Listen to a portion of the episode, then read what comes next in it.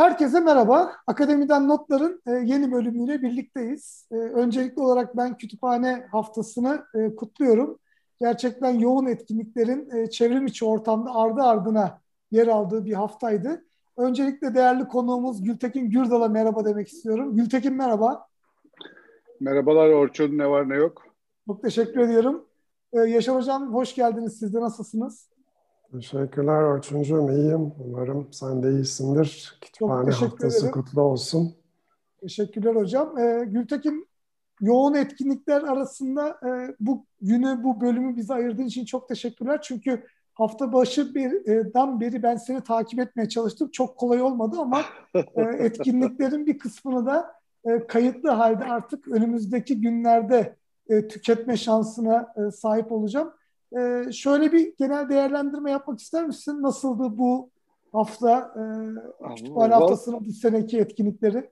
Ya bu seneki etkinlikler aslında e, bilmiyorum ama sanki yüz yüze etkinliklerden daha verimli olduğu gibi geldi bana. E, ve en önemlisi de e, zamandan ve mekandan bağımsız olduğu için e, çok kolaylıkla işte ben İstanbul'daki arkadaşların etkinliğine katılabildim. Orada konuşma yapabildim. Çok kolaylıkla İstanbul'daki arkadaşlar İzmir'de e, bizim düzenlediğimiz etkinliğe katılabildiler. Ve bu etkinliklere de Türkiye'nin her yerinden ilgi duyan herkes katılabildi.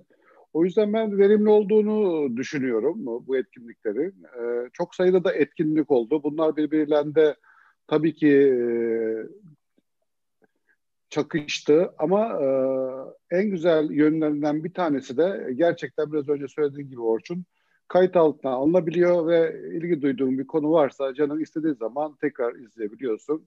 Mesela akademiden notları ben e, kaçırdığım, katılamadığım bölümlerini e, Spotify'dan yürüyüş yaparken dinliyorum. Kulaklarınızı e, çın, çınlatıyorum. Çünkü benim için gerçekten bir öğrenme merkezi aynı zamanda akademiden notlar. O yüzden zevkle e, farklı platformlardan tekrar tekrar ilgilendiğim alanlarda dinleyebilmek veya izleyebilmek büyük avantaj. Çok da renkliydi ama e, şeyler e, konular. Ama e, sanırım ana tema pandemi döneminde kütüphaneler ne yaptı, ne yapamadı, e, nasıl geçirdi bu süreci, işte yeni hizmetler, olanaklar nelerdi gibi konular ön plana çıktı gibi geliyor bana etkinliklerde. Çok teşekkürler. E, gerçekten de aslında senin de biraz önce belirttiğin gibi e, pandemiyle beraber hemen hemen bütün bizim süreçlerimiz e, değişti. Bir yandan yurt dışındaki projeler, etkinlikler devam ediyor. E, bu şekilde yine e, çevrim içi olarak bunu gerçekleştiriyoruz. Biraz, biraz aslında e, farklı bir yapı ama e, hemen hemen önümüzdeki dönemde de belki e, toplantıların, haftaların e, bence hibrit olarak devam edeceğini rahatlıkla söyleyebiliriz. Yine yüz yüze etkinlikler olacaktır ama bence hem yüz yüze hem de çevrim içi olarak devam edeceğini ben düşünüyorum. Bu önemli bir geçiş e, aşaması oldu bizler için diye de düşünüyorum. Yaşar Hocam haftayla ilgili sizin özel bir mesajınız var mı? Aktarmak istediğiniz kütüphane haftası ile ilgili olarak. Ee, kutlu olsun özel bir mesaj olarak algılanır mı bilmiyorum ama evet yani e, herkesin 57. E, kütüphane haftası kutlu olsun. Umarız daha coşkuyla senin de dediğin gibi ister karma ister e, uzaktan kutlamalar olsun e, bundan sonraki yıllarda da. Ben e, Gültekin kadar çok e, şeye katılamadım belki e, etkinliğe ama e, açılışta e, İFLA Başkanı'nın konuşmasını e, dinlemiştim. Gayet e, güzel bir konuşmaydı. Onun ötesinde de birkaç e, etkinliğe e, Bazen e, yarısına, bazen işte tamamına katılabildim. Bu arada tabii ki kütüphane haftası dışında başka e, yerlerde başka şeyler de e, oluyordu. İster istemez e, onlarla da ilgilenmek gerekti. İşte um, profesyonel bir konferans vardı. Dün biten üç günlük e, bir ara ona baktım falan. E, öyle. Yoğun bir hafta geçmiş hocam. E, bugünkü konumuz e, açık araştırma Avrupa aslında e, birçok farklı e, platformu son yıllarda gündeme getirdik. Özellikle de Gültekin'in e, Türkiye'deki e, proje tarafını da yürüttüğü OpenAIR'ın da aslında bir takım farklı operasyonları vardı. Bununla birlikte aslında yeni nesil birçok farklı e, repozitori, depo yapıları e, ya da işte yayınların paylaşılabileceği arşivler hayata geçmişti. Ama burada açık araştırma Avrupa bize yeni fırsatlar da sunuyor ve çok yeni bir proje olduğu için, çok yeni olarak hayata geçtiği için aslında e, burada belki de bununla ilgili bir e, ilk ağızdan bilgiyi de e, Gültekin e, bize e, aktaracak. E, Yaşar Hocam'ın da aslında konuyla ilgili farklı e, eklemeleri olacaktır. E, ben geçen gün şöyle bir kontrol ettim. Örneğin org ID ile giriş sağlayamadım bir problem oldu. Yani aslında sistem de yanılmıyorsam e, yavaş yavaş da ayağa kalkıyor. E, belirli bölümlerinde bir takım küçük aksaklıklar vesaireler de olabilir. E, izleyenler de bunun bilincinde olsunlar. Çünkü o sistemle büyük ihtimalle e, bir takım eksiklikleri olacak ve onlar da giderilmeye devam edecek. Gültekin şey olarak başlayalım mı? Yani e, açık araştırma Avrupa nedir? E, bize ne gibi imkanlar sunuyor ve Türkiye bunun aslında neresinde bu çalışmanın? Bu şekilde başlayalım. Daha sonra belki Yaşar Hocam bize sunacağı imkanları, e, fırsatlarla ilgili kendisi de eklemeler yapacaktır. Şimdi e, şöyle başlayayım Orçun. Aslında e, Açık Avrupa bu bir yayıncılık platformu. Biliyorsun uzun zamandır ben de çok sunumlarında kullanmışımdır. Artık nerede yayınladığımız değil, ne yayınladığımız önemli hale geldi. O yüzden de artık e, dergidir, impact faktördür falan bunlar yani önümüzdeki yıllarda e, geri kalacak, geride kalacak kavramlar olacak ve artık e, yayıncılık platformu e, çok daha öne çıkacak. Şimdi Avrupa Birliği e, biliyorsun geçtiğimiz çerçeve programında Avrupa Birliği projelerinin sonuçlarından çıkan makalelerin açık erişim olarak yayınlanabilmesi için e, projelerdeki fon alan e, araştırmacıları bu yayınları açık erişim yapabilmeleri için fonladı ve onlara destek verdi bu makaleler açık erişim olsun diye. Çünkü neden? Açık erişim zorunluydu çünkü bir önceki programda. Şimdi bu dönemde e, ciddi anlamda yaklaşık 5-6 milyon euro civarında bir masrafı oldu Avrupa Birliği'nin. Avrupa Birliği şunu e, söylüyor şimdi. E, Ufuk Avrupa e, programı kapsamında ve Ufuk 2020 programından çıkacak yayınlar da dahil buna. E, bu yayınların e, yayınlanabilmesi için dergilere makale işlem bedeli ödemek yerine kendisi bir ihale yaptı ve F1000 kazandı bu ihaleyi ve bir yayın portalı kurdu. Bu bir dergi değil, e, 7-8 tane farklı disiplinden e, yayınların koyulabildiği, verilerin koyulabildiği, yazılımların koyulabildiği yani her türlü projeye bağlı araştırma çıktısının koyulabildiği bir platform. Bu platform oluşturuldu. İşte Kasım sonu gibi falan devreye alınacaktı ama dediğin gibi işte bir takım teknik nedenlerden dolayı e, gecikti. Ama o arada da makaleleri submit etmeye başladılar projelerden. E, onların değerlendirmeleri falan da yapıldı ve e, bu ay e, sonu itibariyle, Mart sonu itibariyle neredeyse çok kısa bir zaman önce bir e, Mart ayının içinde de ilk 32 tane makale var şu anda. Sistem çalışmaya başladı. Şu anda artık e, var olan bir sistem. Yani biz bir, bir buçuk yıldır hep böyle böyle proje olacak, başlayacak, gönderilecek falan diye başlıyorduk ama şu anda artık e, tamamen e, yayına geçti. Artık eğer siz bir Avrupa Birliği projesi e, yaptıysanız geçtiğimiz çerçeve programında veya bu Ufuk Avrupa'da bundan alakalı herhangi bir çıktınızı artık bu platforma yayınlanması için gönderebiliyorsunuz. Zorunlu değil. Tamamen e, projeyi yapan kişiye bağlı. Ama artık Avrupa Birliği başka bir dergide makale işlem bedeli ödenmesi için destek vermiyor. Eğer diyor makale ama açık erişim yayınlamakta zorunluluk. Diyor ki sen kendin parasını veriyorsan istediğin yerde yayınla ama para vermeyeceksen de ben sana bu platformu kurdum. Bu platforma e, yayınını gönderebilirsin diyor. Yani kısacası oraya bir e, platform, yayıncılık platformu. Çok teşekkürler. Ee, buradaki yapı da aslında bizim e, Yaşar Hocam geçen e, programlarda bahsettiğimiz açık hakemlik ve benzeri süreçler için de aslında yeni bir yapı ortaya koyuyor diye tahmin ediyorum. E, bununla ilgili aslında siz inceleme fırsatı buldunuz mu? Yani bu yeni platform aslında bizim geçen haftalarda bahsettiğimiz yapıya destek veriyor mu? Aynı zamanda işte açık bilim açısından aslında yayıncılık süreçlerine birazcık daha bizim o geleneksel yapıdan editör, hakem yapısından birazcık daha farklı bir sürece oturtma şansı sağlayacak mı acaba bize? Ee, teşekkür ederim. Yani e, bu platformla ilgili e, aslına bakılırsa en e, heyecan verici taraflarından birisi biraz önce e, Gültekin'in de sözünü ettiği gibi hem yayınları hem de e, yayınlarla ilişkili e, ek malzemeleri, verileri vesaire, yazılımı, kodu, şusunu, busunu hepsini aslına bakılırsa e, hem düzenli bir şekilde depolayıp erişimi açacak hem de uzun dönemli koruma işini de halledecek bir platform oluşturulmuş durumda. E, ama e, hakemlik e, kısmı e, nasıl gelişecek onu e, şimdiden öngörmek mümkün e, değil.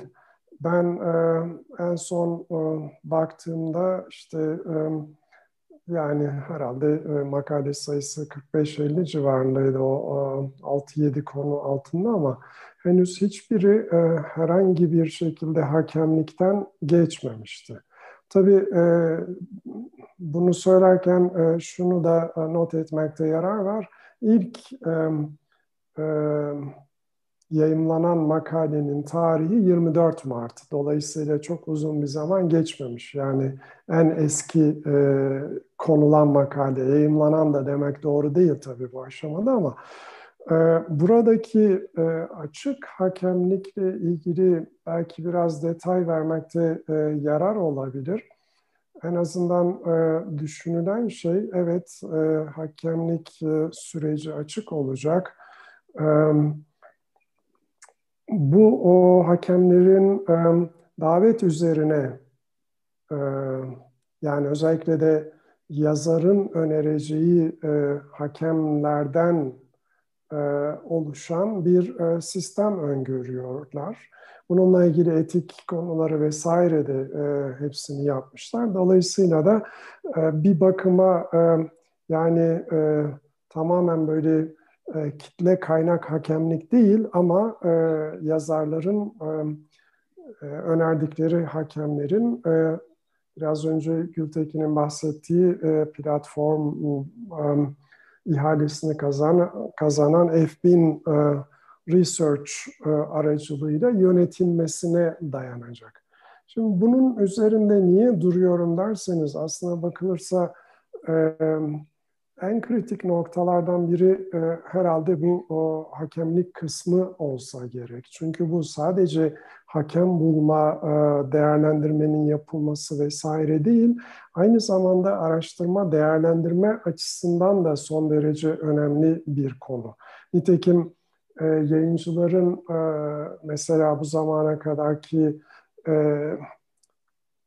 katma değer olarak bu sürece kattıklarına bakılırsa işte hakemlik sürecinin yönetilmesi bunların en önemlilerinden bir tanesi. Aynı şekilde kayıt işlevinin yerine getirilmesi öncelik sonralık açısından diyelim ki belirli bir aşıyla ilgili olarak işte kim en önce bu buluşu yaptı vesaire gibisinden. Kuşkusuz yayıncıların en azından geleneksel olarak bir diğer işlevi olan arşivleme ile ilgili şeyi pek yok. Yani şu anda online olarak da yok aslında bakılırsa.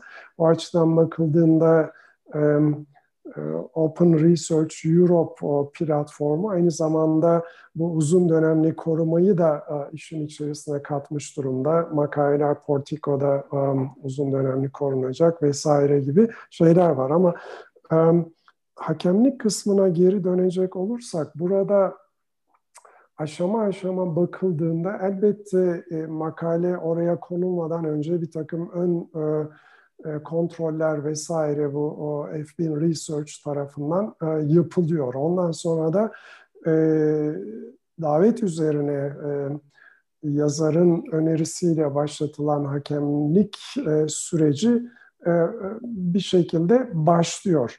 Burada e, önemli olan noktalardan bir tanesi e, bu hakemlik süreci tabii ki devam edebilir. Yani işte iki hakemden görüş geldikten sonra da gerekirse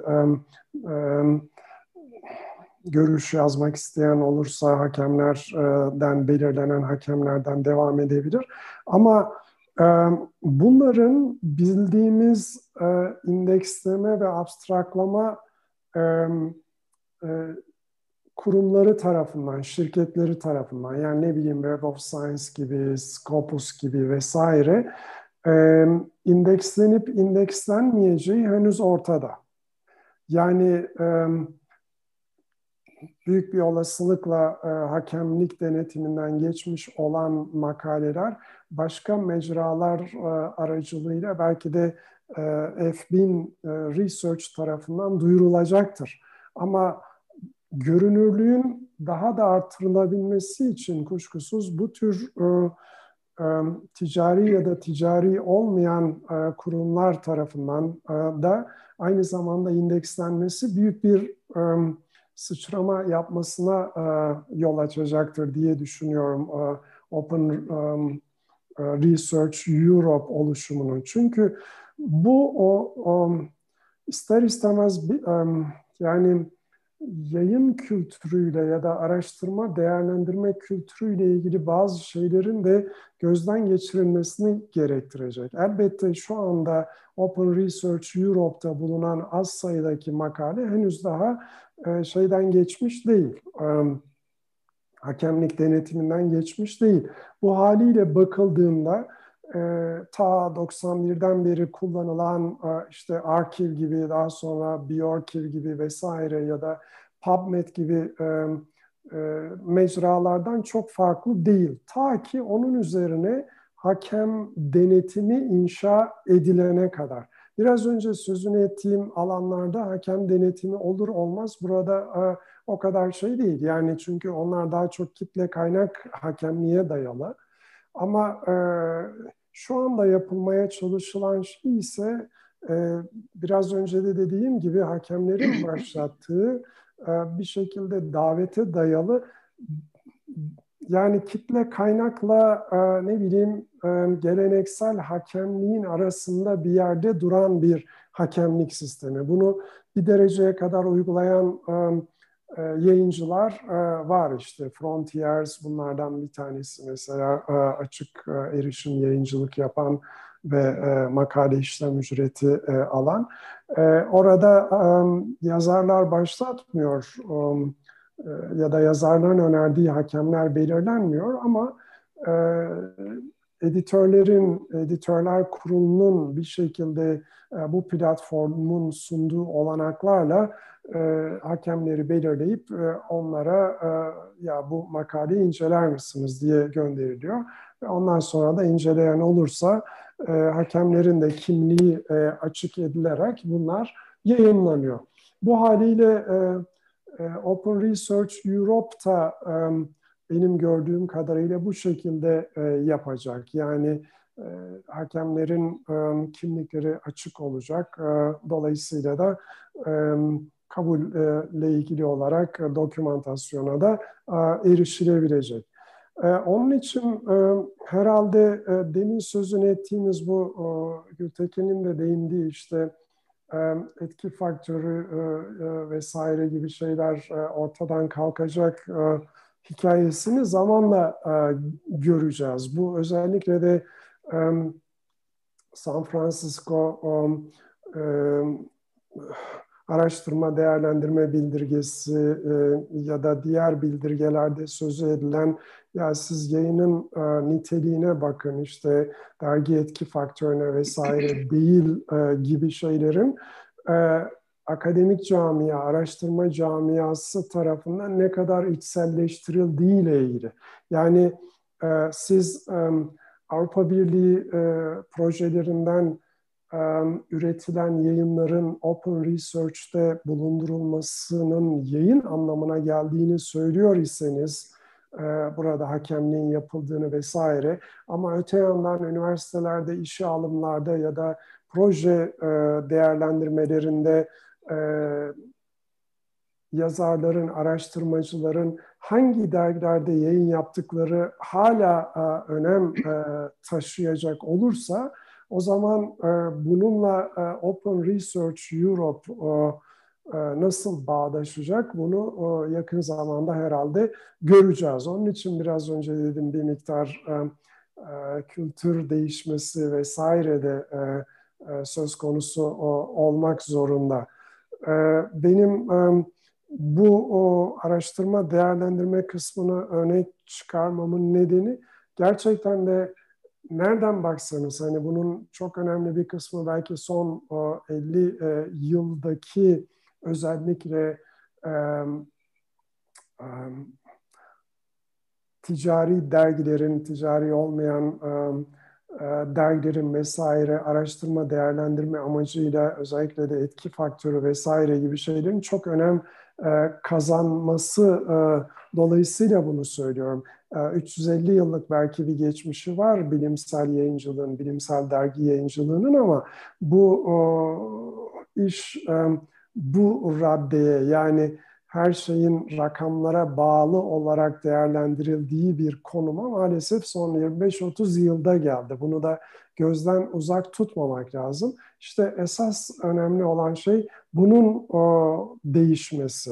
Bunun e, sadece e, tabii ki e, araştırma fonlayan kuruluşlar nezdinde değil, aynı zamanda araştırmacılar, e, araştırma ürünlerini e, tüketen e, kullanıcılar, diğer e, bilim insanları e, vesaire herkes nezdinde aslına bakılırsa bir kültür değişimini e, içermesi gerekiyor.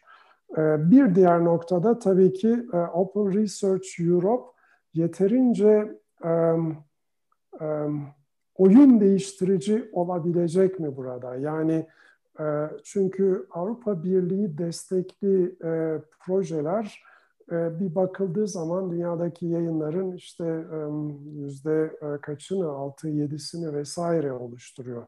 Dolayısıyla e, çok büyük bir kesim e, halen açık arşivler aracılığıyla vesaire yayınlanıyor ama biraz önce sözünü ettiğim gibi açık arşivlerdeki hakemlik süreci çok hani birbirinden farklı, değişken, bazıları iyi yapılıyor, bazıları yapılmıyor vesaire. Dolayısıyla bu oyun değiştiricilik rolünün e, ben çok önemsiyorum. Eğer bir e, kritik yoğunluk kazanabilirse bu plan S çerçevesinde, Coalition S çerçevesinde en azından koalisyon e, S'ye taraf olan milli fonlayıcılar ya evet Open Research Europe'da e, yayınlandıysa eğer bizim için e, akademik yükseltmelerde de fonlamalarda da bu çok önemli bir göstergedir diye e, hareket ederlerse o zaman bu süreç daha da kısalabilir diye düşünüyorum. Onun için ben en azından kendi payıma hani burada evet son derece önemli bir girişim ama bu o, paydaşların e, e, ne kadar sürede e, bunu benimseyeceklerini de e, önümüzdeki e, e, aylarda, yıllarda vesaire göreceğiz diye düşünüyorum. Muhtemelen Gültekin'in bu konuda daha e, spesifik bilgileri vardır. E, gerekirse şimdiye kadar yayın kısmı ile ilgili olarak konuştuk. Veri kısmı ile ilgili olarak da ayrıca e, konuşuruz. Hocam çok teşekkürler. Biraz önce ekran görüntülerine de e, ben yer verdim. Aynı zamanda bağlantısını da paylaştık. Şöyle bir izleyicilerimiz de göz atabilirler. Oradaki aslında e, önemli noktalardan bir tanesi Rapid and Transparent Publishing diyor. Yani orada birazcık da bunlarla ilgili e, yaklaşımları da ortaya koymuş durumda. Bu hızlı ve transparan yayın yapısı aslında sizin de belirttiğiniz gibi hayata geçirilebilirse, bir farklılık yaratabilirse çok çok önemli olur. Yalnız biraz önce belirttiğiniz bu hani burada yer alırsa önemli bir kriter haline gelir kısmını duyan araştırmacılar ya şu anda bir kontrol yok yükledik yükledik hızlı bir şekilde sisteme hücum edelim deyip de Türkiye'den yoğun bir katılım olur mu bilemiyorum. Ama, ama buradaki şeyi e, biraz önce Gültekin de belirtti. Yani şu anda oraya herhangi bir şey gönderebilmek için bir Avrupa Birliği projesinde en azından yazarlardan birinin e, yer almış olması evet. gerekiyor. Yoksa e, herhangi bir kimse eğer e, Ufuk 2020 çerçevesinde bir e, projede yer almadıysa e, buraya bir şey yükleyemiyor. Doğru evet. değil mi Gültekin? Evet hocam aynen o şekilde. Şu anki kurgu tamamen Avrupa Birliği projeleriyle alakalı ve onların çıktılarıyla alakalı. Ee, F1000 e, buradaki işletmeyi yürütüyor ve 780 euro e, makale başına işlem bedeli ödüyor Avrupa Birliği F1000'e şu anda bu işletme maliyeti için. O maliyetlerle ilgili de zaten detaylı bir e, bilgi var. Neden bu miktarda bir para aldığıyla ilgili. Ama e, herhangi bir Avrupa Birliği projesindeki bir kişi için herhangi bir ücret ödemek söz konusu değil. Tamamen şu andaki masraflarını Avrupa Birliği karşılıyor ve sadece Avrupa Birliği çıktılarına e, OpenAir de aslında kurulduğu zaman bu şekilde kurulmuştu. Şu anda biliyorsunuz dernek haline geldi ve bütün dünyaya açıldı ve bütün dünyadan çıktıları toplayan bir e, hale geldi. E, esas amaç bir müddet sonra aynı şekilde e, bu projenin de e, sadece Avrupa Birliği çıktıları değil, bütün Avrupa çapındaki veya dünya çapındaki bütün yayınların toplanabildiği bir platform haline gelmesi. Açık hakemlik dediğin gibi bu platformun en önemli farklılıklarından bir tanesi. Aynı zamanda açık atıf girişimiyle de alakalı. Orkid'den tamamen bir entegrasyon sağlandı ve şu anda girişle ilgili bir problem yok. Ee, ve şu anda da ilk e, onaylanmış makale orada şu anda görünüyor. Hakem raporu da orada görünüyor. Hmm. Onları da yani bir ekran paylaşırsam aslında e, Orçun Tabii tabii hemen şu anda paylaşım gö- açık. Gö- gösterebilirim. Şu, şu anda, anda mesela bu makale açık. kabul edilmiş bir e, makale ve e, ilk hakemin kontrolünden e, geçmiş ve onaylanmış bir makale. E, bu platformdaki en önemli şey makale gönderilir gönderilmez sistemin kendi içinde bir editör ekibi var. Yani herhangi bir e, baş editör falan herhangi bir şey söz konusu değil. O yüzden siz makalenizi reddedecek herhangi bir editör falan da yok. Mutlaka sadece ön kontrollerini yapan, titizlikle yapan bir ekip var. O ekip kontrolünü yaptıktan sonra 10 gün içinde gönderdiğiniz makale burada yayınlanmaya başlıyor. Daha sonra siz e, makaleyi yazan kişi olarak hakem önerisinde bulunabiliyorsunuz. Fakat bulunacağınız hakemin belli kriterleri var. Yayınınızın konusuyla ilgili en az üç tane yayının olması gerekiyor. Ve o yayınlarda en az bir tanesi son beş yıl içinde yayınlanmış olması gerekiyor. O yüzden e, hakem olarak önerdiğiniz kişilerde de belli bir kriter var. E, o kriterin sağlanması gerekiyor. Ayrıca sadece hakemlerin yaptıkları yorumlar değil, sisteme e, e, kendi kaydıyla giriş yapan yani Orkut ID ise veya sisteme kendi tanımlayıp giriş yapan herkes de yapılan yorumlara yorum yazabiliyor. Yani bir hakemin yaptığı yoruma da sisteme e, yetkili e, kullanıcı adıyla girmiş bir kişi yorum yapabiliyor. Mesela burada işte onaylanmış bir makaleyi görüyoruz ve burada e, yorumunu oku dediğimiz zaman bu hakemliği yapan kişinin bu makaleyle ilgili bütün yorumlarını burada e, görebiliyorsunuz. Bu yorumlardan sonra makaleyi yazan kişi düzeltmelerini yapıp diğer bir kopyasını da buraya koyabiliyor. Yani düzeltilmeden önce kopyasıyla düzeltilmiş kopyası iki ayrı edisyon olarak burada görünmeye devam ediyor. E, bütün makaleler zaten e, DOI da aldığı için e, herhangi bir şekilde site edilmekle ilgili de herhangi bir problem yok. Ve e, bu platformun diğer bir artılarından bir tanesi de istatistikler hem alt metrik olarak hem de e, download edilme, görüntülenme gibi bütün istatistikleri de e, takip etmeye olanak sağlıyor, paylaşmaya olanak sağlıyor. En çok merak edilen şeylerden bir tanesi, evet ben makaleyi buraya gönderdim, bu da yayınlandı ama işte akademik yükseltmelerde değerlendirilebilecek mi e, gibi sorular vardı. Şu anda makaleler buradan e, çıktıktan sonra da e, Web of Science veya Scopus'a gönderilebiliyor. Herhalde son bildiğim kadarıyla onlar direkt almaya baş, başlıyorlar buradan çıkacak makaleleri. Öyle bir anlaşmada yapıldığı gibi ondan ilgili de bir problem olmayacakmış e, gibi geliyor bana. Çünkü tamamen bütün süreçler şeffaf, tamamen kontrol altında ve e, hızlı bir şekilde bir makalenin yayınlanması ve o makaleye bağlı diğer araştırma çıktılarının da orada görünmesi, doyu alması, uzun dönemli korunabilir olması ve e, Creative Commons CCB'ye lisansıyla lisanslanması, böylelikle de fair ilkelerine de uygun buraya koyulan her şey. O yüzden buradaki herhangi bir çalışmayı e, çok kolaylıkla e, özellikle bu reproducible e, yeniden araştırmalarda kullanılabilmesi, tekrar edilebilmesi de olanak sağlayan bir platform. Gerçekten bence çok güzel. Yani söylediğin her şey çok heyecan verici Gültekin. Buradaki aslında bence önemli bir sorumluluk da var. Platform açısından söylüyorum.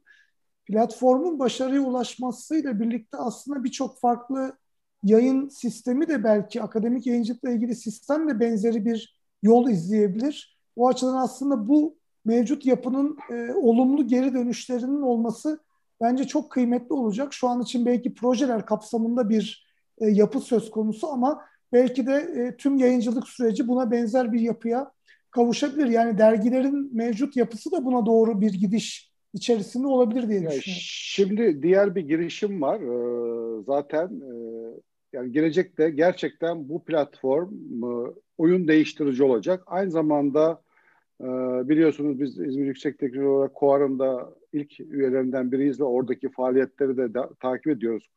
Confederation of Access Repositories. Orada Next Generation Repositories adı altında bir grup var ve orada yapılan çalışmalar var. Ve e, önümüzdeki dönemde e, sadece bu tür platformların değil, e, üniversitelerdeki ya da kurumlardaki kurumsal arşivlerin, akademik arşivlerinde aynı zamanda bir yayıncılık platformuna dönüştürüle, dönüştürülerek buna benzer süreçlerin kurumsal arşivlerde de başlayarak artık böyle e, yayın, yayın bekleyeyim, yayınlamak için 8 ay bekleyeyim, bir yıl bekleyeyim, şu dergiyi bekleyeyim gibi bütün her şeyi tamamen bitirip kurumsal arşivler üzerinde bir üniversitedeki herhangi bir çıktı hemen yayınlanmasıyla ilgili şu anda çok ciddi çalışmalar yapılıyor. Dünyanın her yerinden çok e, bu konuda uzman insanlar bir arada çalışıyor. Standartları belirlemeye çalışıyor.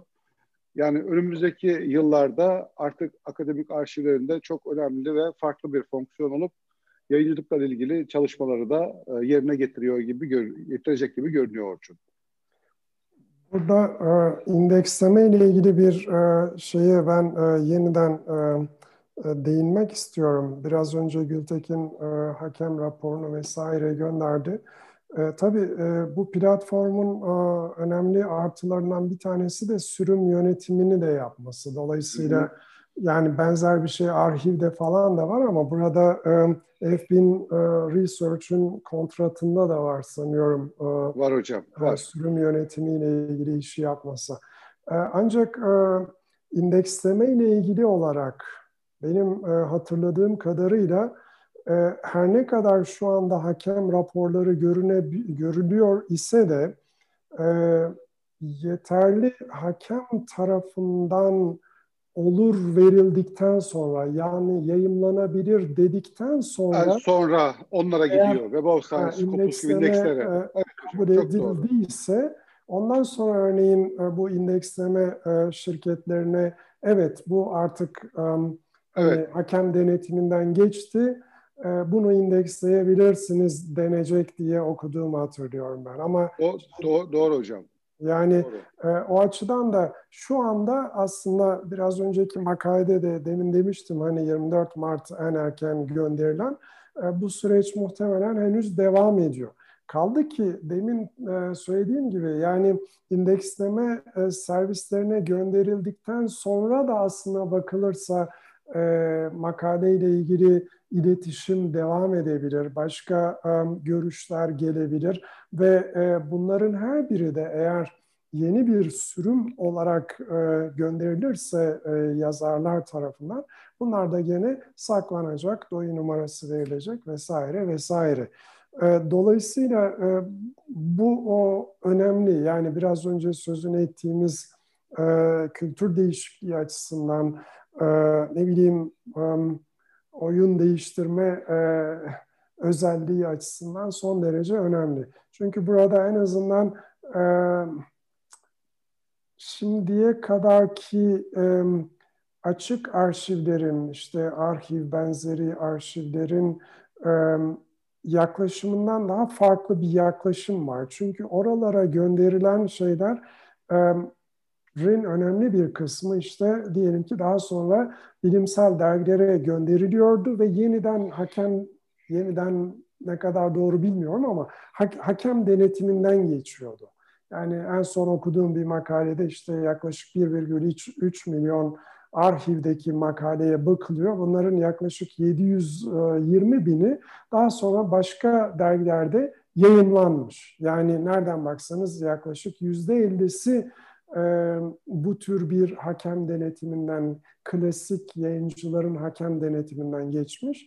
Diğerleri geçmemiş ama yani bütün dünyaya gene açık. Dolayısıyla burada davranış olarak hani arşivde bulunan kaynaklar da elbette bugün bilimsel çalışmalarda atıf alıyor vesaire ama işte o hani bu daha sonra bir dergide yayımlanmış, bu yayımlanmamış e, ayrımı e, Open Research Europe ile e, artık önemini e, yitirecek mi, ne kadar yitirecek bunu gözlememiz gerekiyor sanıyorum. Çok teşekkürler hocam. E, Gültekin ben sana bir soru sorayım. Bu belki henüz e, Türkiye'deki Açık Bilim Komitesi'nin gündemine gelmemiştir, daha henüz konuşulmamıştır ama Örneğin e, Türkiye'deki projelerde e, yapılan e, çalışmaların sonuçlarında oluşturulan yayınlarda F1000 Research'e TÜBİTAK o makale işlem bedelini ya da ULAKBİM ödese ve o çalışmayı bu şekilde yine Open Research Europe'da Türkiye'de adresli bir projeden çıkmış bir çalışma yayınlanabilir mi? Yani şunu demek istiyorum. Biz hani Öksüz Arşiv gibi kullandığımız Zenado gibi benzeri platformlar gibi bu e, kullanılmış olan, oluşturulmuş olan altyapıyı kullanıp ama yine o işlem bedelini de lokal fon sağlayıcının ödediği bir model acaba düşünülüyor mu Avrupa Birliği genelinde?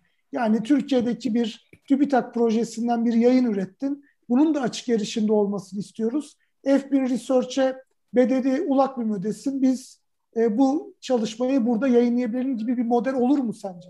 E, tabii tabii Orçun ileriki iler nihayet hedef e, o zaten. Zaten e, OpenAIR'in dernek haline dönüşmesi, işte açık bilim bulutu, e, sonuçta bu hem açık bilim bulutunun hem OpenAIR'in bir e, sürdürülebilirliği olması gerekiyor. Ama bu sürdürülebilirlik e, şöyle olacak. Yine bu servis, bunlar hizmet ve servis üretmeye devam edecek. Hem açık bilim bulutu hem OpenAIR. Ve şu anki ürettikleri servislerinde yine bakımını yapmaya, bunlarla ilgili gelişmeleri, geliştirmeleri yapmaya devam edecekler. Ama burada da bir maliyet e, tabii ki olacak. Bu maliyetin bir şekilde e, ülkeler tarafından paylaşılması gerekiyor. Şu anki yayıncılık için zaten çok ciddi miktarda bir para harcanıyor. Belki bu harcanan paraların çok çok daha az bir bölümüne bu servis ve hizmetleri bütün Avrupa ortak bir takım e, altyapılarla sürdürülebilecek.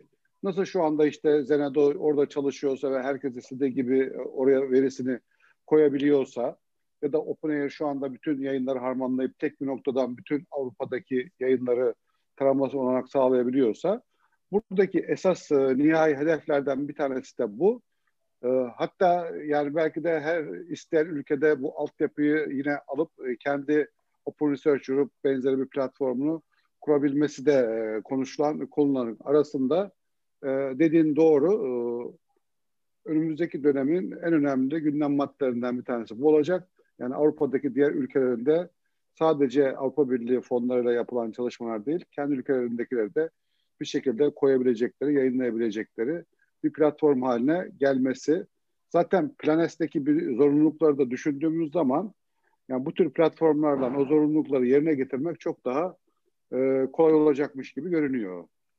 Yani burada e, son yıllarda değil mi son 4-5 yıl içerisinde alandaki gelişmeler e, takip edilmesi çok zor bir hale geldi. Özellikle açık bilimle ilgili olan yapılarda e, kütüphanelerde de bu konularla ilgili belki artık gerçekten sadece bu konular üzerinde çalışan e, personel ihtiyacı da gerçekleşti. Öyle değil mi Gültekin? Sizin de kütüphanenizde galiba bu konularda güzel çalışmalar var. Belki bilgi vergi yönetimi bölümleri altında bir açık bilim ana bilim dalı falan gibi bir şey kurulması gerekecek. Çünkü baktığınız zaman aslında bu süreçlerin sadece kütüphane personeli veya sadece kütüphane tarafından yürütülmesi çok zor. Yani büyük bir akademik birimin, üniversitenin, bir araştırma kurumunun tüm bu açık bilim, açık erişim, açık veri süreçlerini nasıl yürütecek? Yani o fakülteler, o bölümlerin vesaire kütüphanenin bunların altından kalkması giderek zorlaşıyor diye tahmin ediyorum. Ya zaten e, kütüphanenin tek başına bunların altından kalkması gerçekten senin dediğin gibi çok zor. Hele özellikle bizim gibi ülkelerde kütüphanelerdeki kadro yapısını ya da işte çalışan insanların eğitim durumunu, yapısını falan düşündüğün zaman bu daha da zorlaşıyor. E, çünkü bu alanda yapılan çalışmaların birçoğu sonuçta Avrupa'dan, Amerika'dan işte yapılan çalışmalardan geliyor ve mesela işte belli bir e, seviyede e, dil bilgisi, dil becerisi, yabancı dil bilgisi olmadan mesela bu çalışmaları takip etmek veya bu çalışmaların bir yerinde olmak mesela şu anda zor yani. O yüzden hem bilgi birikim olarak hem de dil olarak belli bir seviyeye gelmiş olması veya o seviyedeki insanları çalıştırıyor olman lazım. Evet biz mesela şu anda e, dediğin gibi tamamen bu konulara ayrı e, bir birim oluşturduk mesela yılın başında. Artık işte bilimsel iletişim birimi diye bir bilim, birimimiz var. Ve bilimsel iletişim birimimiz tamamen açık erişim, açık veri, araştırma verisi, araştırma verisi yönetimi. Hatta en son iki hafta önce yine bir arkadaşımız başladı 9 Eylül Üniversitesi'nden geçtiğimiz öğretim görevlisi kadrosunda. Ve bu arkadaşımız tamamen mesela veriyle ilgili ve veri yönetimiyle ilgili bir konuda çalışacak. E, açık erişimde tabii bunun bir tarafında var ama şu anda veriyle ilgili e, çalışıyoruz. İşte en son rektör yardımcımızdan bir konuşmamız oldu geçtiğimiz günlerde. E, büyük ihtimalle başaracak gibiyiz ama e, her fakülteden sorumlu bir doktora öğrencisi belki yüzde otuz zamanlarını e, data steward veya veri yöneticisi olarak kendi fakültelerinden sorumlu hale getirecek ve o şekilde kütüphanenin koordinasyonundan, bizim arkadaşımın koordinasyonundan biz onlara eğitimler vereceğiz. Onlar da aldıkları eğitimlerle e, kendi fakültelerindeki hocalarına bu veriyle ilgili, veri yönetimiyle ilgili eğitimler verecekler. Yaş hocam da bilir mesela işte TÜBİTAK'ta mesela 1001'de e, epey bir uğraştık. En sonunda artık mesela 1001 projeler için TÜBİTAK artık veri yönetim planını zorunlu hale getirdi. Ve şu anda artık bu zorunlulukla beraber hocalarda bir kıpırdanma başladı ve herkes ya böyle bir şey soruyor. Ne yapacağız? Bunu nasıl dolduracağız falan demeye başladı. Ee, bizim YÖK'teki e, veri yönetimiyle ilgili grup da Argos'ta işte mesela OpenAI'nin bir servisi. Argos'u şu anda Türkçe'ye çevirdik arayüzünü. Ve e, geçtiğimiz bir hafta 15 gün 15 gün kadar oldu galiba. E, TÜBİTAK veri yönetim planında Argos'un içine entegre ettik. Şu anda çok rahatlıkla Türk araştırmacıları da Argos'a girip TÜBİTAK'ın veri yönetim planını çağırıp oradan e, doldurabilirler bir yönetim planına. Hocam bu arada e, bir soru var. E, Özlem Bağ demiş ki sizin e, konuşmanız sırasında kitle kaynak hakemliği nedir? Açıklayabilir misiniz diye. E, çok kısaca isterseniz o konuda e, bilgi aktarın sonra tekrar devam edelim. E, kitle kaynaktan kastettiğim crowdsourcing yani e, şöyle düşünelim biraz önce gördüğümüz e, e, şeye e, Gültekin Bey'in gö- gösterdiği makaleye örneğin ben e, girip e, pekala e, yorum yazabilirim vesaire. E, elbette bu o, hani gene belirli bir e, derece e, yani konuyla alakası olan kişiler tarafından yazılacak belki ama orada e, bu kişi kimdir, e, işte araştırmacı e, yönü var mıdır, biraz önce e, Gültekin Bey'in dediği gibi e, doktorası var mıdır vesaire gibi e, bir takım kurallara bakılmadan yani herkes e, belirli bir makaleyi e, inceleyebilir e, anlamına kullanmıştım o, o sözcüğü. Bu arada e, dokümantasyonda dikkatimi çeken bir şeyi e, ben söyleyeyim. E, hakemlerin hangi niteliklere sahip olacağı söylenirken işte biraz önce Gültekin söyledi e, üç makalesi olacak e, vesaire falan filan doktorası olacak diyor. Orada e, doktora gerekmeyen işte eğitim, kütüphanecilik gibi alanlar diye saçma sapan bir şey geçiyor. Yani nerede yaşıyorlar diye bir an düşündüm.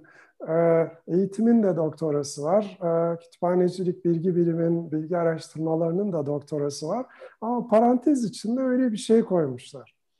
Ee, Gültekin rica ediyorum senden yani bunu düzeltsinler.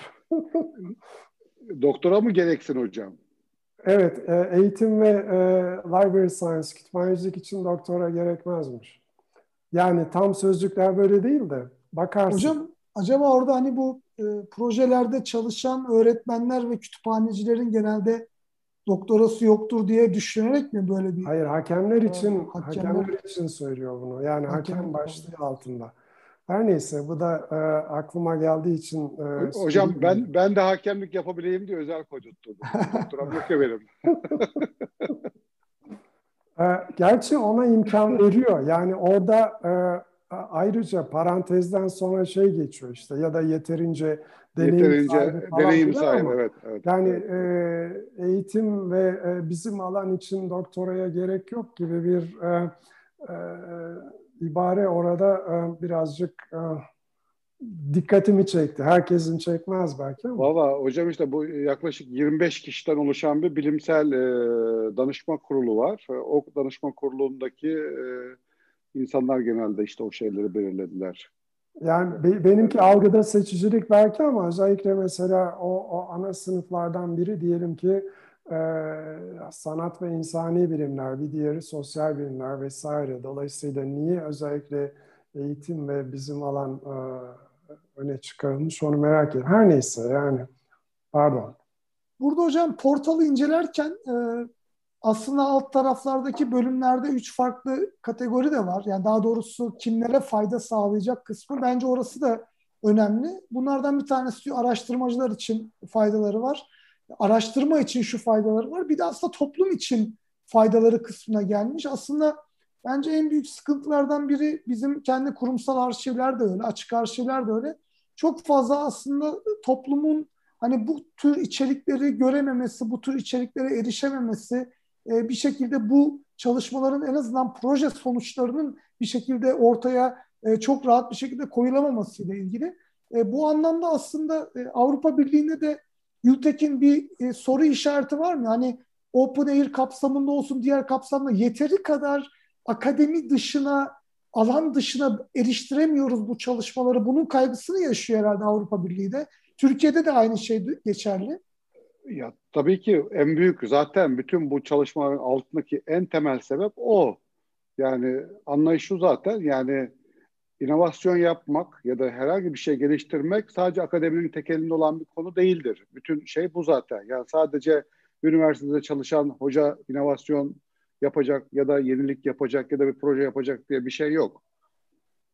Ve bu tür e, kaynaklara ne bileyim bir KOBİ'deki mühendisin de erişebilmesi, bir belediyede çalışan mühendisin de erişebilmesi, sanayide çalışan bir mühendisin de erişebilmesi ya da herhangi bir başka bir sosyal alanda çalışan insanların da erişebilmesi. Zaten en temel amaç o. Yani çünkü yeniliği ya da inovasyonu kimin yapabileceğini tahmin etmek gibi bir şey söz konusu değil yani. Ama sonuçta bir şey yapabilmek için bir girdi gerekiyor. Bu girdi de işte bu yapılan araştırmaların sonuçları. Bu girdiyi kime verirsek nasıl bir şey icat edeceğini öngörmek çok e, zor yani. Ama erişmesi gerekiyor. Gayet güzel. Buyurun hocam. Bu o um, ölçeklenebilirlik olayıyla ilgili benim e, söylemek istediğim bir iki şey var. Yani biraz önce e, Gültekin de belirtti. Tabii ki bunu diğer e, arşivlere de yaymak vesaire muhtemelen amaçlardan birisi ama e, şu anda e, F1000 e, Research'le sanıyorum 4 yıllık bir kontrat imzalanmış. Dolayısıyla buna bağlı olarak da işte Avrupa Birliği projelerinden çıkacak potansiyel yayın sayısı göz önünde bulundurularak yaklaşık 1.3 e, milyon avroluk bir sözleşme yapılmış. E, tabii bunun hani 2024'e kadar, 2024'ten sonra gerçekten ölçeklenebilir olması söz konusu olacaksa bunun yeniden fonlanması gerekecek. Aslında şu anda baktığımızda 780 avro en azından yaklaşık 3000 dolar olan makale işlem ücretinin yanında üçte bir falan.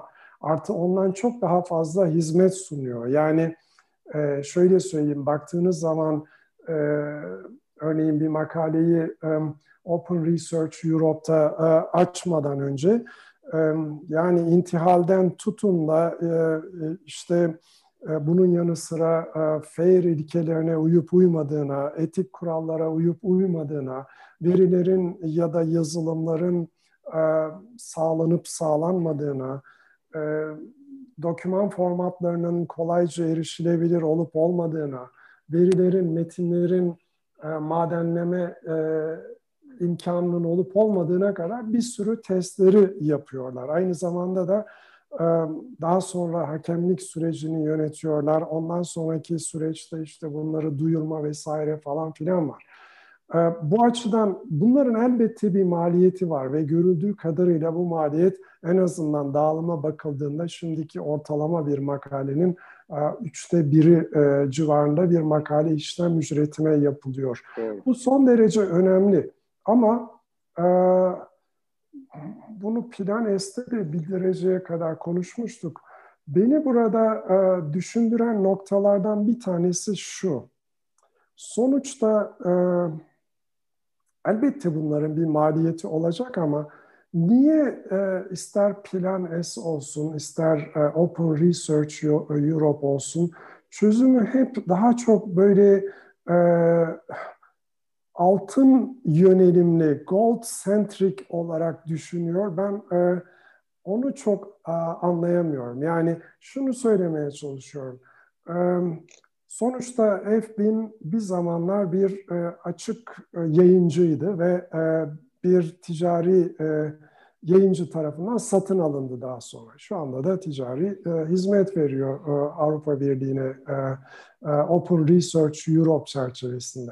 Yani söylemek istediğim bu mekanizma eğer yani e, makalelerin değerlendirilmesi şudur budur bir şekilde bütün akademiyanın bir sorunu olacaksa o zaman bunu o, altın yola bağlamak yerine hani yarın öbür gün özellikle ölçeklendirme yapmak gerektiğinde biraz önce söylemiştik işte yüzde yedisini Avrupa Birliği e, e, e, üretiyor vesaire gibisinden. Acaba bu o, altyapıya bu beslense ve e, orada hala gene böyle bir platforma ihtiyaç var. Yani Zeno'da olur, başka bir şey olur vesaire. Ama adınızı adını işte 780 avro makale başına ne kadar uzun olursa olsun vesaire diye koyduğunuz zaman ve bunu bir şekilde ne bileyim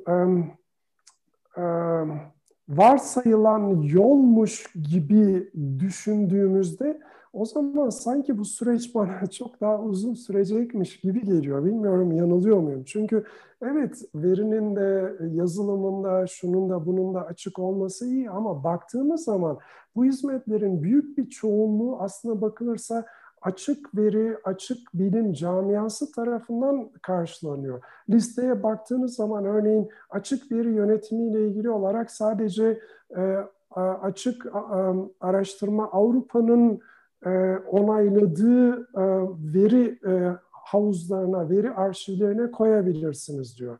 Gene aynı şekilde yazılım söz konusu olduğunda ya da ne bileyim HIV ya da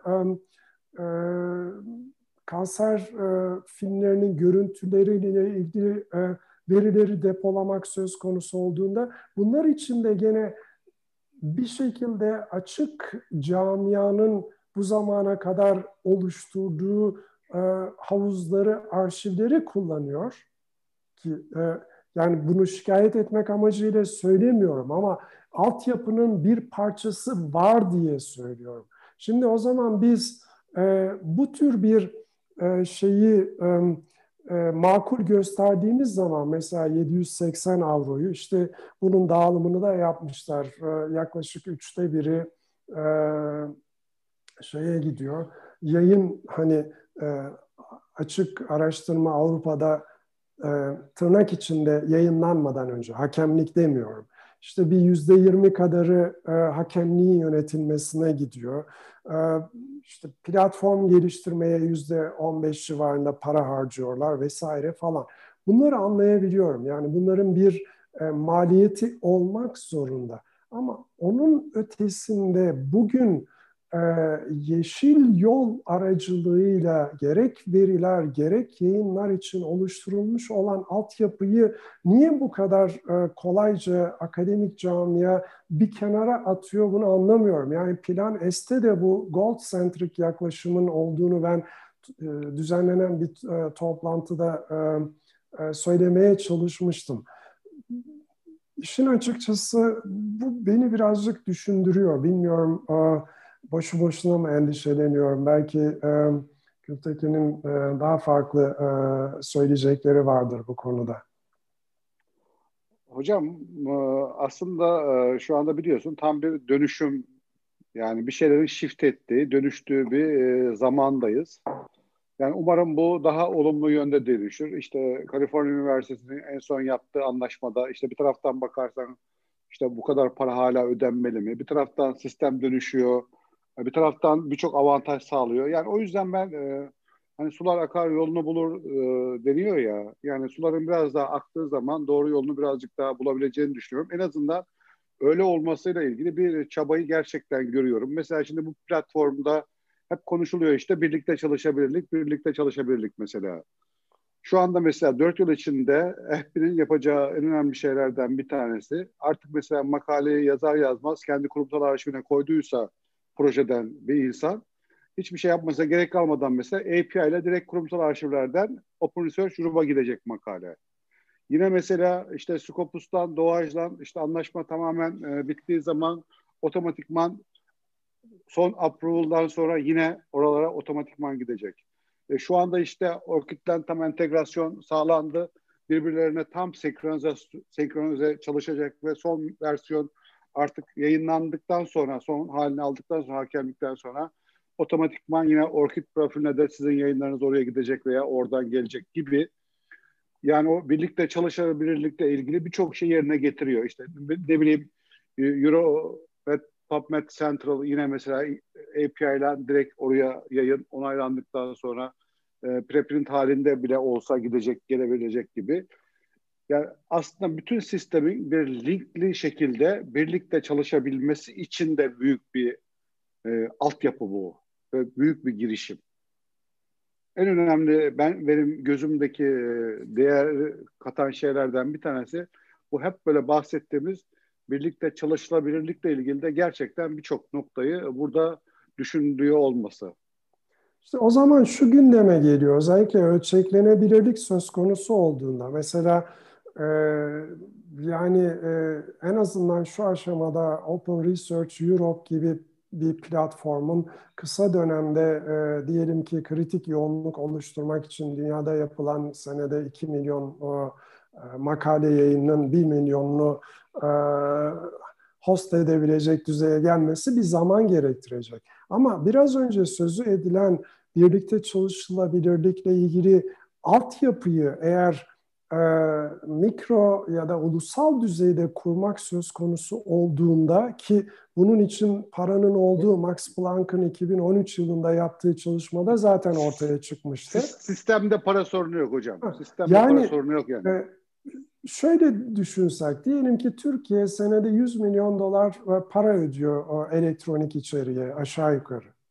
Şimdi böyle bir mekanizma ulusal düzeyde kurmak için bunun belki de onda biri kadar bir para harcamış Hocam, olsa ben ve, şunu e, söyle şunu söylemiştim, sözünü kestim. Çok çok haklısın. Mesela demiştim ki bugün teknik anlamda iyi de düşündüğümüz 15 Araştırma Üniversitesi ya da 5 Araştırma Üniversitesi bir araya gelip benzer bir platform kurmuş olsa o kadar abonelik yapmak yerine böyle platforma Türkiye'deki araştırmacılar da yayınlarını gönderebilse, herkes oraya giden yayının kalitesiyle ilgili herhangi bir tereddütte kapılmasa niye işlemesin ki? Bu sistemde işte Avrupa'daki altyapıyla birlikte çalışabilir olsa yani dediğin gibi şu anki sistemdeki harcanan paraların çok çok daha azına bu sistemleri işletmek ve organize etmek e, çok da zor değil ama en önemlisi o yine söyledim açıklık kültürü.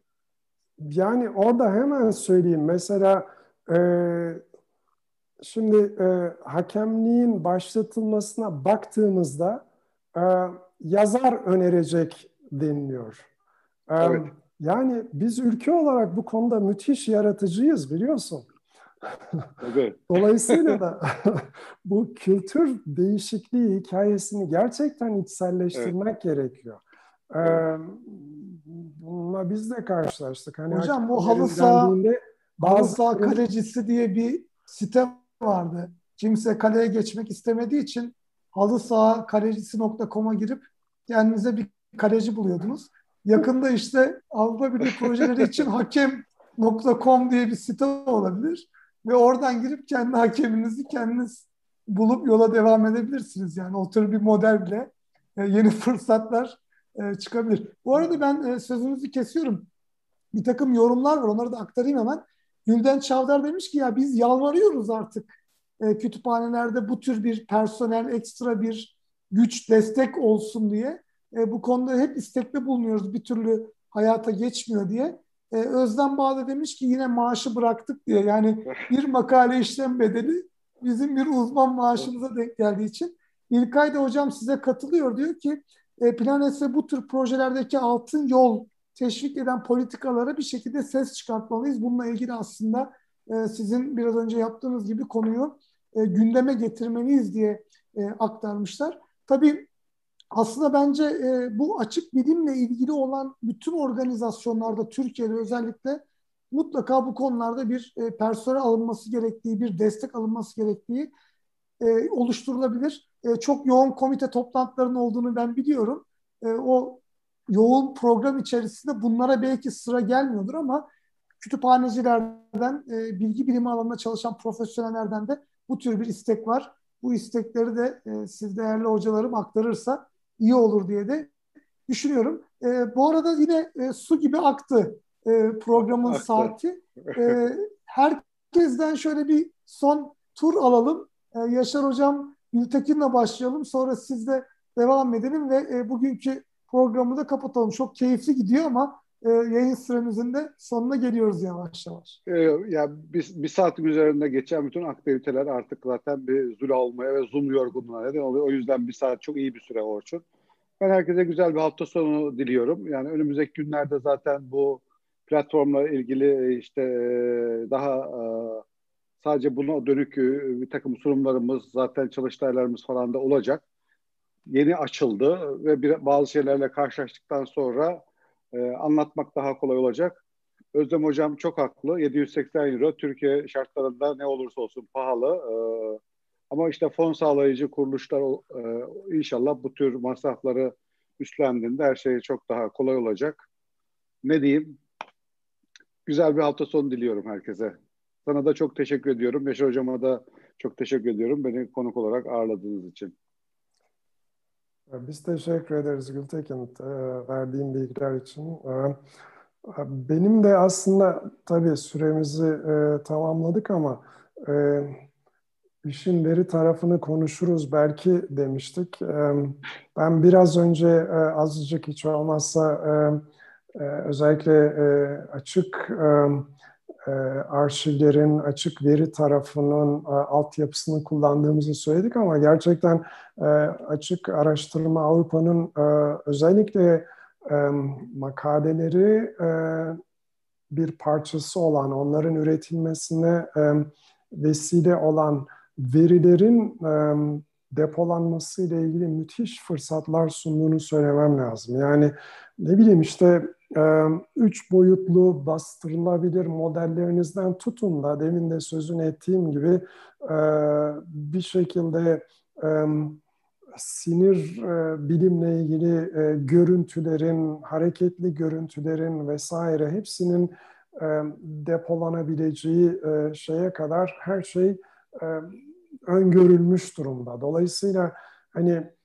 artık veri analizinden, veri biliminden, veri madenlemesinden bilimsel hipotezler ürettiğimiz bir ortamda bunlar son derece önemli.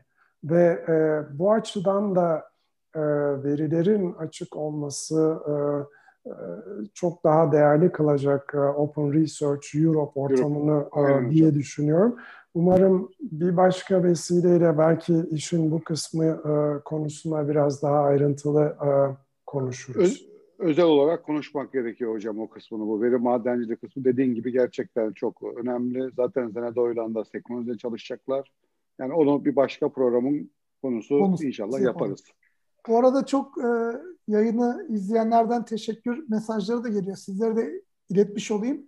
E, akademiden notların bir bölümünün daha sonuna geldik. E, toplumun büyük bir kesiminin heyecanla beklediği açık araştırma Avrupa ile ilgili ilk ağızdan e, sevgili Gültekin'den bilgiler aldık. Yaşar Hocam'ın altın yol eğilimlerine karşı geliştirdiği tepkisine de ben de katılıyorum.